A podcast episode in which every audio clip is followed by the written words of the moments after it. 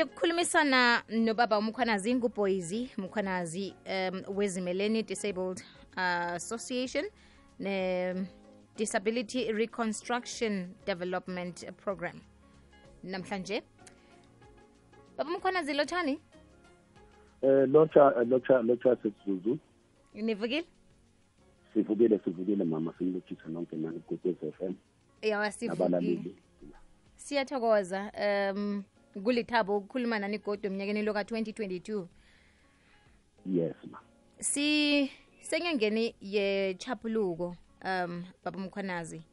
Kodwa-ke ziziningi izinto esiziqalako esikhuluma ngazo esizitshetshako sithe namhlanje khe sicaleke ihlangothi lokukhubazeka um nechapuluko singeze sakuhlukanisa ngoba wokumuntu nasikhuluma ngechapuluko sikhuluma ngawo woke umuntu ophilako esewula afrika.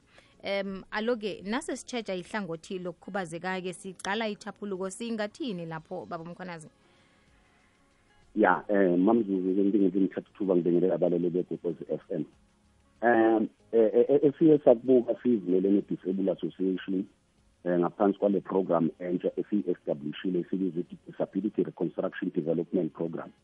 Um siye sahlala phansi sabheka ukuthi eh people with disabilities kahle kahle eSouth Africa. Basengakakhululekanga ngalendlela ekumele ukuthi ngabe bakukhululeka ngayo. Eh ngizokudonsela ama documents akhuluma strictly eh implement ugovernment eh yasayinwa uformer president eh uThabo Mbeki iwhite paper. Icacisa ngokusobala ukuthi ke eh iyiphi indima ekumele idlale umuntu iyiphi indima ekumele idlale ugovernment? Eh kule document eh ekuphatheni kahle kwabantu abane disability eh sithe siyabheka sathi thina ayi lama document ama department wonke awenhlisa amehlo eh abawasebenzisi ekutheni ukuthi ke eh babheke lemithetho ekhona ekutheni ukuthi how to cater people with disabilities kule idinga eyikhona ekuhlaleni njengoba sinale democracy. So ke manje ke sasisithi let's establish this program. Eh sibuyele emuva. Eh sikwazi ukuthi sikhulumisane no government ukuthi government phela kunayi nawa nawa ama policies a implement uhulumeni eh sibona ngathi awalandelwa. I that's why uh, people with disabilities always left behind eh kuma kuma kumahlelo athize ekumele enzele ama South African. So ke manje ke eh umehluko esiwenzile komkhulu kakhulu because eh silandele emuva kunabantu esesibasizile nabantu esisabasiza futhi. Ekutheni ukuthi sibuke le idingo lezi ezitholwa abanye abantu ukuthi bazithola na? Eh kulezindle esibhizi ngazo ezizokwakhiwa manje elprey eh esizamile ukuthi sibuyele emuva sikhombise ugovernment ukuthi government. Nake lapha emuva ngoba okwamanje sisasebenzisana ne-human settlement ku-province empumalanga ekutheni ukuthi sibakhombise ukuthi kunabantu abasele emuva. Sibatholile abantu ugovernment uyavakasha uyabavakashela ekutheni ukuthi ngempela ayothola le proof ukuthi vele people with disabilities basele ngemuva ngokwempilo. So-ke sizama ukwenza lezo zinto lezo wena mamzuzu ekutheni ukuthi siye sayilinka lento sabona ukuthi ayi impilo ephila uzuzu nami ayifani. Okay. Um baba mkhwanazi uyazokala ngibawa sibambele njalo sithengise bese siyabuya kodwa sirakela phambili thumela isimemezelo nge-email. Uthi info at ikwekwezfm co za kukhanya ba.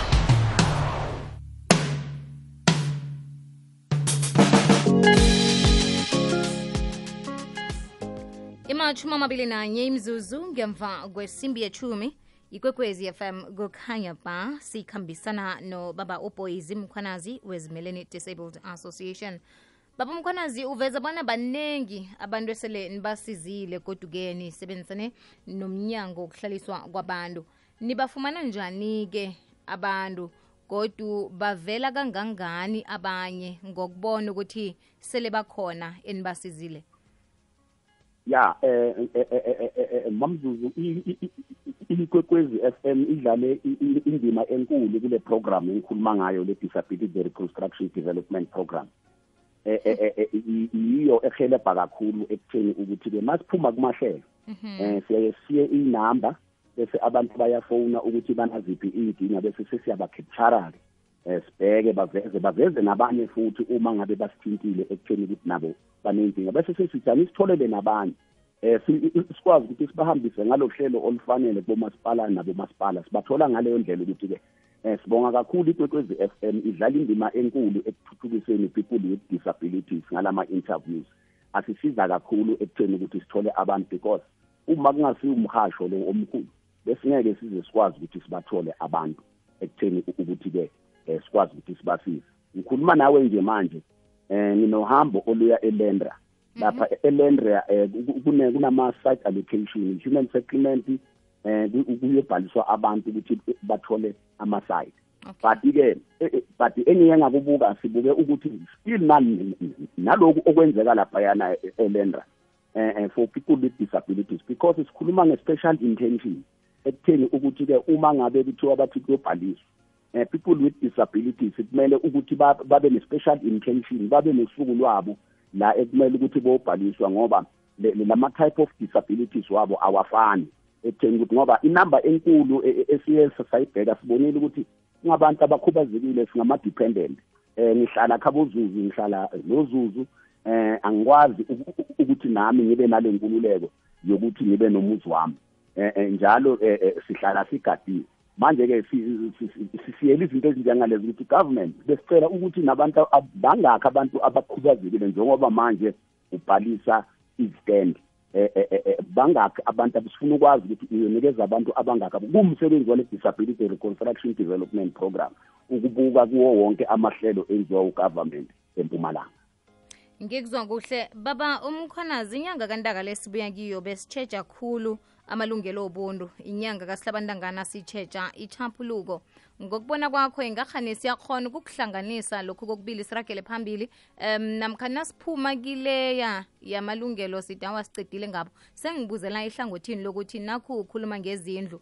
Um kuyakhonakala na kuyabonakala emphakathini ukuthi ihlonipho ibe khona ekutheni nje kutshejwa umuntu onendingo ezihlukileko um kezami namkha nami ngifuna ukuzibona ngilapho nanyana ngihlukile kunaye yes kuyaye kube nzima-ke njengoba ngisho ukuthi kubaluleke kakhulu ukuthi eh, kube kuhle ukuthi sibe nale program ye-disability reconstruction development program because lezi lo mbuzo ongibuza wona bathi bekungenzeki ngale ndlela ekufuneka ukuthi ngabe kwenzeka ngayo ukuthi-ke ake sibuke isimo esaziyo ukuthi simenjani singamhlanganisa ne-boys na ekutheni u- ukuthi mhlampe simmise ndawonye. Eh ayivumi kanjalo. Ivuma u- u- ukuthi kumele ukuthi eh, eh, ngibe ne-special intention. Bangibuke ngoba esikulwelayo ukuthi ke eh, eh, indlu kaZulu ayikwazi ukufana nendlu kaBoys eh i- it's because isimo sami nesakho asifani. Manje ke yizinto esifuna ukuthi siziveze ku-government lezo.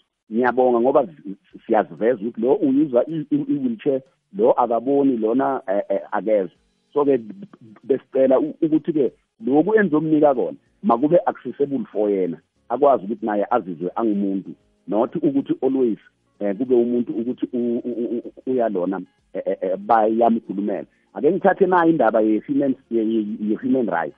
Eh siyayibona sonke indaba yasesidimeni ekutheni u- u- u- ukuthi ke azange basebenzise amalungelo abo ngendlela efanele ngale ndlela ekwenzeke ngayo eh njengoba sekunezigcawu. Lana esekubuzwa khona u- u- u- ukuthi yini i- i- i- imbangela? Yikuthi all the time sithathelwa ama-decision ukuthi sibacabangela ukuthi bangaba la. Kanti yile sikhathi yosilimaza lapho esiya khona kuleyo ndawo leyo ukuphula amalungelo wabantu abakhubazekile ngoba kunale advantage yokuthi-ke asibakhulumele. Eh, eh, ngoba bona bakwazi ukuthi bazikhulumele. Uyezwakala baba mkhonazi nange sinembuzo njengoba nawutshilo-ke bona um abantu isizo lifika kibo ngomrhatsho nifumane kanjani? Eh sisebenzisa direct strictly i-cell number ngoba eh ukhumbula ukuthi asifundanga sonke. Eh eh, eh, eh, eh, eh, mawuzonika umuntu i-landline kosahamba uyothenga i-airtime kanti why kanti why sifihle lama number ethu? Siveza lama number ethu ukuthi abantu basithole ngco noma kusebusuku noma kusekuseni. Eh ku 079 Mhm. hello nginawe baba mkhonazi ungaragela phambili uzibiza 079 iye. 796 Mhm. 2674 ngibawa sizibuyelele baba. 079 796 2674 kuzwakele yebo ma baba mkhwanazi sithokoze kukhulu ukukhulumisana nawe sithokoza ilwazi osisabele lona nesikhathi sakho. Kuthokoza mina kukoze FM yabo. Aha